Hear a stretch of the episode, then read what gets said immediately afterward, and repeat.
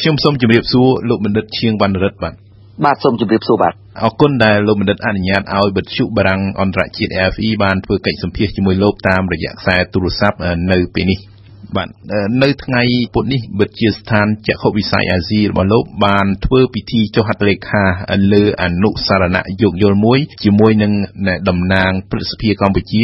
និងទីស្តីការគណៈរដ្ឋមន្ត្រីផងដែរជាបឋមលោកបណ្ឌិតឈៀងបណ្ឌិតអាចបញ្ជាក់បានទេថាការចុះហត្ថលេខារវាងវិទ្យាស្ថានរបស់លោកជាមួយនឹងស្ថាប័នរដ្ឋទាំងពីរបានផ្ដោតទៅលើសារៈសំខាន់អ្វីខ្លះទៅបាទ បាទសូមអរគុណចំពោះការចុះហត្ថលេខាហ្នឹងគឺយើងសំដៅទៅលើពង្រឹងកិច្ចសហប្រតិបត្តិការជាពិសេសទាក់ទងនឹងការស្រាវជ្រាវការពង្រឹងសមត្ថភាពហើយនិងការធ្វើសកម្មភាពរួមគ្នាទៅផ្នែក អនាគតជាមួយព្រឹទ្ធសភាយើងនឹងចាក់ផ្ដើមធ្វើការងារនិយាយចំទៅនឹងមាន action plan ធ្វើការពីពេលហ្នឹងទៅទៅដល់ចុងឆ្នាំហើយនឹងឆ្នាំបន្តបន្ទាប់ទៀតជាពិសេសយើងអាចនឹងមានវគ្គបណ្ដុះបណ្ដាលផ្សេងផ្សេងតាក់ទងទៅនឹងគុណសាស្ត្រនយោបាយតាក់ទងនឹងនយោបាយការបរទេស តាក់ទងនឹងការពិវត្តសេដ្ឋកិច្ចសង្គមកម្ពុជាជាដើមដើម្បីឲ្យមន្ត្រីដែលធ្វើការនៅព្រឹទ្ធសភានឹងគាត់អាចក្តាប់បាននៅស្ថានភាពពិភពលោកតំបន់ក៏ដូចជានៅកម្ពុជាហើយយើងនឹងអាចសហការរៀបចំនៅសិក្ខាសាលាផ្សេងផ្សេងនៅថ្ងៃអនាគតចំពោះកិច្ចសហប្រតិការជាមួយនឹងគេថាក្រមសហព័ន្ធសង្គមស៊ីវិលនៃទីស្តីការគណៈរដ្ឋមន្ត្រីគឺយើង ផ្ដោតទៅលើកិច្ចសហប្រតិការទៅលើភូមិ100 ភូមិ100ហ្នឹងគឺជាគម្រោងមួយដ៏សំខាន់នៅក្នុងការអភិវឌ្ឍជនបទរបស់កម្ពុជាឥឡូវហ្នឹងវិជាស្ថាន AVI ជាមួយនឹងក្រមនៃសហព័ន្ធសង្គមស៊ីវិលនៃទីស្តីការហ្នឹងកំពុងតែសិក្សាស្រាវជ្រាវហើយហើយយើងអាចមានគម្រោងថា pilot project ហ្នឹង5គម្រោងនៅក្នុងខេត្ត5នៅកម្ពុជាបន្ទាប់មកយើងពង្រីកនៅគម្រោងហ្នឹងទៅបណ្ដាខេត្តផ្សេងៗទៀតអញ្ចឹងយើងយក ភូមិ100ដែលជាភូមិគំរូដើម្បីជាការអភិវឌ្ឍប្រកបដោយចីរភាពនិងធ្វើយ៉ាងណាឲ្យនិយាយចំទៅឲ្យមានភាពមាំភាពរឹងនិងភាពបត់បែននៃការអភិវឌ្ឍជនបទហៅថា smart village ណាបាទគឺភាពវៃឆ្លាតអភិវឌ្ឍភាពប្រយ័ត្ននៅតាមជនបទនៅកម្ពុជានឹងបាទ បាទបច្ចុប្បន្នតើវិទ្យាស្ថានចក្ខុវិស័យអាស៊ីបានជួយបណ្ដុះបណ្ដាលមន្ត្រីស្ថាប័នរដ្ឋក៏ដូចជាឯកជនណាខ្លះរួចមកហើយបាទឬក៏នៅទេនៅក្នុងប្រទេសកម្ពុជាយើងបាទកន្លងទៅយើងធ្វើវគ្គបណ្ដុះបណ្ដាលខ្លីៗជាពិសេសជាលក្ខណៈ seminar ទៅដល់ខាងសភាសភារបស់កម្ពុជាយើងក៏ប៉ុន្តែមិនមែនជាលក្ខណៈថាផ្លូវការទេជាលក្ខណៈកិច្ចសហប្រតិការពីព្រោះយើងអត់ទាន់មាន MOU ជាផ្លូវការនៅឡើយទេក៏ប៉ុន្តែចាប់ពីពេលនេះទៅជាពិសេសជាមួយព្រឹទ្ធសភាយើងនឹងមានកិច្ចសហប្រតិការជាផ្លូវការហើយជាមួយនឹងបណ្ដាស្ថាប័នមួយចំនួនទៀតដែលយើងចុះហត្ថលេខាហ្នឹងជាពិសេស think tank media វិទ្យាស្ថានការទូតនិងកិច្ចសហប្រតិការអន្តរជាតិនៃក្រសួងការបរទេសក៏យើងធ្លាប់ចុះហត្ថលេខាពីឆ្នាំកន្លងទៅដែរហើយនឹងវិទ្យាស្ថាន CDRI នឹងជាដើមអញ្ចឹងយើងនឹងពង្រឹងធ្វើយ៉ាងណាដើម្បីឲ្យមានការផ្លាស់ប្ដូរព័ត៌មានការវិភាគហើយនិងការពង្រឹងសមត្ថភាពនឹងបាទបាទឃើញថាបច្ចុប្បន្នតើកម្ពុជាមានអ្នកជំនាញដែលមានសមត្ថភាពដូចថាធ្វើការស្រាវជ្រាវនិងវិភាគលើវិស័យផ្សេងផ្សេងជាពិសេសសេដ្ឋកិច្ចនិងនយោបាយកម្រិតតំបន់និងអន្តរជាតិហ្នឹងច្រើនទេឬក៏ធនធានមនុស្សទាំងអស់នេះកម្ពុជានៅមានកម្រិតនៅឡើយបើតាមការយល់របស់លោកបណ្ឌិតបាទសមត្ថភាពនៃការវិភាគក៏ដូចជាក្រមវិភាគកម្ពុជាយើងរយៈពេលកន្លងទៅនេះមានការរីកចម្រើនគួរឲ្យកត់សម្គាល់ក៏ប៉ុន្តែបើប្រៀបធៀបជាមួយតំបន់និងអន្តរជាតិនៅមានកម្រិតនៅឡើយទេពីព្រោះថាយើងអត់មានយន្តការរដ្ឋមួយសំខាន់ដើម្បីជំរុញលើកទឹកចិត្តទៅដល់វិជាសាស្ត្រស្រាវជ្រាវបើនៅប្រទេសគេផ្សេងផ្សេងស្ថាប័នរដ្ឋគឺរដ្ឋាភិបាលហ្នឹងគឺគេមានថវិកាមួយដើម្បីជំរុញនៅការស្រាវជ្រាវហើយផ្ដល់ថវិកាហ្នឹងទៅដល់សាកលវិទ្យាល័យឬក៏វិទ្យាសាស្ត្រស្រាវជ្រាវឬក៏ think tank ដូចជា AVI នឹងជាដើមក៏ប៉ុន្តែយើងអត់ទាន់មានយន្តការនឹងទេអញ្ចឹងបញ្ហាសំខាន់គឺយើងខ្វះនៅថវិកាដើម្បីពង្រីកនៅការស្រាវជ្រាវក៏ដូចជាអញ្ជើញអ្នកប្រាជ្ញឬក៏បញ្ញវន្តកម្ពុជាយើងដែលមានបទពិសោធន៍ឬក៏មានការសិក្សានៅក្រៅប្រទេសហ្នឹងឲ្យគាត់ចូលរួមដើម្បី រួមចំណែកក្នុងការស្រាវជ្រាវនឹងអញ្ចឹងទេអានឹងគឺយើងនៅមានកម្រិតក៏ប៉ុន្តែវាមានសន្ទុះវិជ្ជមានគួរឲ្យកត់សម្គាល់ក្នុងរយៈពេល1 2ឆ្នាំកន្លងមកនេះបាទបាទហើយដូច្នេះហើយវិទ្យាស្ថានចក្ខុវិស័យអាស៊ីមានគម្រោងនឹងជំរុញបញ្ហានេះឲ្យដល់កម្រិតកម្ពូលឬក៏សមត្ថភាពកម្ពូលអាចវិភាគកម្រិតតំបន់និងអន្តរជាតិឲ្យបានច្រើនតើនេះជាអ្វីដែលវិទ្យាស្ថានគ្រោងថានឹងធ្វើទេបាទ ប៉ុន្តែចក្ខុវិស័យនៃវិទ្យាស្ថាន AVI ហ្នឹងគឺចង់คล้ายទៅជាវិទ្យាស្ថានស្រាវជ្រាវថ្នាក់អន្តរជាតិនិងថ្នាក់តំបន់ដើម្បីឲ្យសម្លេងរបស់កម្ពុជាហ្នឹងត្រូវបានគេលើកអញ្ចឹង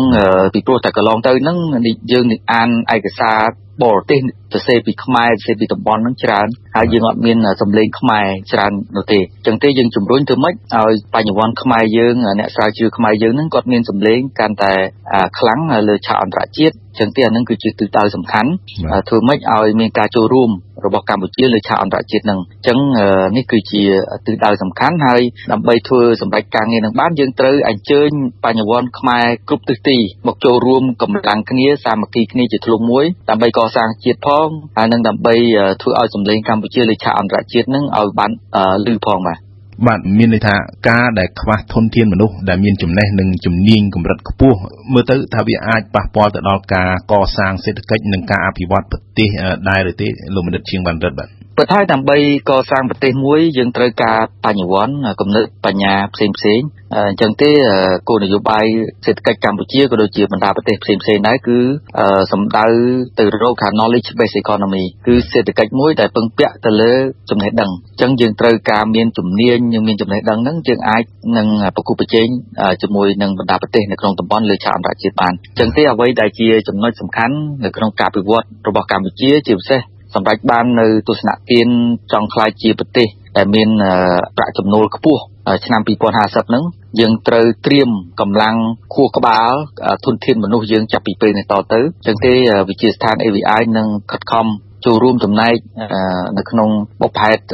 ប្រទេសជាតិដើម្បីសម្រេចបាននៅគោលដៅ2050ហ្នឹងដែលកម្ពុជាចង់ក្លាយជាប្រទេសអភិវឌ្ឍដែលមានចំណូលខ្ពស់ នឹងគឺជាអ្វីមួយដែលយើងត្រូវធ្វើការទាំងអស់គ្នាទាំងសង្គមស៊ីវិលទាំងផ្នែកឯកជននិងផ្នែករដ្ឋនឹងនិយាយចំទៅធ្វើធ្វើសហការគ្នាជាធ្លុងមួយដើម្បីសម្រេចបានគោលដៅទៅអនាគតនឹងបាទ បាទលោកបណ្ឌិតឈៀងបណ្ឌិតជាអ្នករស់នៅនឹងទៅមកនៅប្រទេសសិង្ហបុរីស្រាប់ប្រទេសសិង្ហបុរីមានការជឿនលឿននិងលូតលាស់ជាងគេនៅក្នុងតំបន់អាស៊ានបាទទាំងនេះគឺដោយសារតែគេសម្បូរបញ្ញវន្តដែលមានទស្សនវិស័យនិងចក្ខុវិស័យខ្ពង់ខ្ពស់ឬយ៉ាងណាលោកបណ្ឌិតបាទប្រទេសសិង្ហបុរីជាប្រទេសតូចមួយនៅអាស៊ីអាគ្នេយ៍ហើយអត់មានធនធានធម្មជាតិអីច្រើនទេសូម្បីតែ ទឹកហ្នឹងក៏ត្រូវនាំចូលពីប្រទេសជិតខាងប្រទេសម៉ាឡេស៊ីនឹងដែរអញ្ចឹងទេកត្តាដែលកំណត់ឲ្យសេដ្ឋកិច្ចឬក៏សង្គមប្រទេសសិង្ហបុរីជោគជ័យហ្នឹងគឺតាមមនុស្សនឹងតែម្ដង នេះគឺជាកត្តាកំណត់អញ្ចឹងទេក្នុងនយោបាយការអភិវឌ្ឍកម្ពុជាហ្នឹងក៏យកកត្តាមនុស្សហ្នឹងក៏ជាកត្តាចម្បងដែរប្រសិនបើយើងមានប្រជាជនមានសុខភាពល្អមានបញ្ញាវាងវៃសេដ្ឋកិច្ចយើងនឹងរីកចម្រើនហើយអញ្ចឹងកត្តាមនុស្សគឺកត្តាប្រជាជនហ្នឹងជាកត្តាកំណត់ហើយបាទបាទមានន័យថាពីពេលនេះតទៅ បើចង់ឈានទៅដល់ចំណុចគេហៅថាបដិវត្តឧស្សាហកម្ម4.0បាទយើងត្រូវតែមានធនធានហ្នឹងក៏ខ្ពស់តាមនឹងដែរបាទ ពិតហើយពីព្រោះថាបច្ចេកវិទ្យាវាវិវត្តទៅលឿនណាស់អញ្ចឹងចំណេះដឹងថ្មីថ្មីហ្នឹងក៏លឿនដែរអញ្ចឹងទេយើងត្រូវរៀបចំនៅយន្តការដើម្បីធ្វើយ៉ាងណាឲ្យប្រជាជនរបស់យើងនឹងចាប់បាននៅចំណេះដឹងថ្មីថ្មីមានសមត្ថភាពលទ្ធភាពទទួលយកនិងប្រើប្រាស់បច្ចេកវិទ្យាថ្មីថ្មីដើម្បីយើងអាចធ្វើការប្រកួតប្រជែងបានជាពិសេសជំនាញ តាក់ទងទៅនឹងបច្ចេកវិទ្យានឹងសំខាន់ណាស់នេះគឺជាគោលដៅសំខាន់ចឹងទេបានជាវិស័យអប់រំជាវិស័យស្នូលនៃការពិវត្តនឹងហើយបើយើងមើលពីការយកចិត្តទុកដាក់របស់រដ្ឋាភិបាលលើវិស័យអប់រំនឹងក៏ ក៏ច្រើនដែរយើងមើលពីការចំណាយរបស់រដ្ឋទៅលើវិស័យអប់រំក៏ប៉ុន្តែយើងត្រូវធ្វើការបន្ថែមទៀតជាពិសេសគុណភាពនៃការអប់រំរបស់យើងនៅមានកម្រិតអញ្ចឹងធ្វើម៉េចដើម្បីពង្រឹងគុណភាពនៃការអប់រំបានហើយនឹងជំនាញដែលយើងរៀនចប់នឹងធ្វើម៉េចឲ្យប្រើប្រាស់បានពីព្រោះថាมันប្រកបថាយើងរៀនចប់មហាវិទ្យាល័យវាត្រូវជំនាញហើយជំនាញអាចប្រើប្រាស់នៅក្នុងអនាគតបានទេពីព្រោះថា ការងារទៅថ្នាក់អង្គុតវាអាចផ្លាស់ប្ដូរច្រើនហើយការងារខ្លះនឹងបាត់បង់ដោយសារតែបច្ចេកវិទ្យាថ្មីហើយនឹងប្រព័ន្ធ robot ឬក៏គេហៅថា AI និង artificial intelligence ប្រព័ន្ធម៉ាស៊ីនដែលប្រើជំនួសមនុស្សអញ្ចឹងទេយើងត្រូវត្រៀមខ្លួនហើយដើម្បីធ្វើយ៉ាងណាឲ្យជាជនយើងនឹងចាប់បាននៅបច្ចេកវិទ្យាថ្មីថ្មីនឹងបាទ បាទខ្ញុំសូមជាប់ពីការអភិវឌ្ឍពីប្រទេសសិង្ហបុរីដោយវិលមកកម្ពុជាវិញមើលទៅលោកបណ្ឌិតមានជំនឿថាយើងគួររៀនសូត្រឬក៏យកគំរូតាមការអភិវឌ្ឍបែបប្រទេសសិង្ហបុរីតើយើងអាចធ្វើបានទេបើតាមយោបល់លោកបណ្ឌិតបាទ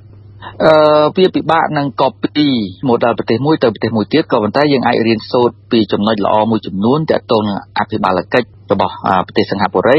វិស័យអប់រំវិស័យសុខាភិបាលជាពិសេសហ្នឹងដូច្នេះយើងអាចរៀនសូត្រពីប្រទេសគេបានក៏ប៉ុន្តែយើងមិនអាចយកប្រទេសមួយ copy model មកប្រទេសមួយទៀតទេវាអាស្រ័យទៅលើស្ថានភាពស្ថានភាពជាក់ស្ដែងនៃកម្ពុជាអ្វីដែលយើងអាចរៀនសូត្រពីប្រទេសសិង្ហបុរីបានគឺធ្វើយ៉ាងណាពង្រឹងនៅរដ្ឋាភិបាលមួយដែលមានភាពស្អាតស្អំហើយមានប្រសិទ្ធភាពខ្ពស់ដើម្បីជាការជំរុញនៃការវិវត្តហើយកត្តាសំខាន់ទី2គឺធនធានមនុស្ស human capital របស់គេហ្នឹងពីព្រោះថាប្រទេសសិង្ហបុរីនិយាយចំទៅគឺជាប្រជាជនដែលមានការអប់រំវៃឆ្លាតហ្នឹងខ្ពស់ជាងគេហើយនៅក្នុងតំបន់អាស៊ីអាគ្នេយ៍នេះចឹងទេកត្តាស្ថាប័នរដ្ឋាភិបាលហៅថាអភិបាលកិច្ចហ្នឹងបូកជាមួយនឹងកត្តាប្រជាជនហើយនឹងផ្នែកឯកជនផ្នែកឯកជនរបស់សិង្ហបុរីហ្នឹងក៏មានការវិវត្តនឹងលឿនដែរក្នុងរយៈពេលខែការក្រោយពីទទួលបានឯករាជ្យឬក៏ផ្ដាច់ខ្លួនចេញពីម៉ាឡេស៊ីនៅឆ្នាំ1965មកយើងឃើញថាទាំងផ្នែករដ្ឋផ្នែកឯកជននឹងគឺគេដើរសន្ទឹមគ្នាអញ្ចឹងទេការអភិវឌ្ឍមួយវាត្រូវការចូលរួមពីផ្នែកឯកជនដែរនិយាយចំទៅសង្ហបុរីគេចាត់ចែងរៀបចំគ្រប់គ្រងប្រទេសរបស់គេដូចជាគ្រប់គ្រងក្រុមហ៊ុនហ្នឹងគឺគេឲ្យតម្លៃទៅលើប្រសិទ្ធភាពនិងលទ្ធផលជាក់ស្ដែងហ្នឹងបាទ បាទជាថ្មីម្ដងទៀតបាទខ្ញុំសូមថ្លែងអំណរគុណដល់លោកបណ្ឌិតឈៀងវណ្ណរិទ្ធប្រធានវិទ្យាស្ថានចក្ខុវិស័យអាស៊ីបាទដែលបានចំណាយពេលវេលាដ៏មានតម្លៃផ្ដល់នូវកិច្ចសម្ភារដល់វិទ្យុបារាំងអន្តរជាតិ AFE យើងខ្ញុំសូមអរគុណនិងជម្រាបលាលោកបណ្ឌិតបាទបាទសូមអរគុណសូមជម្រាបលាបាទ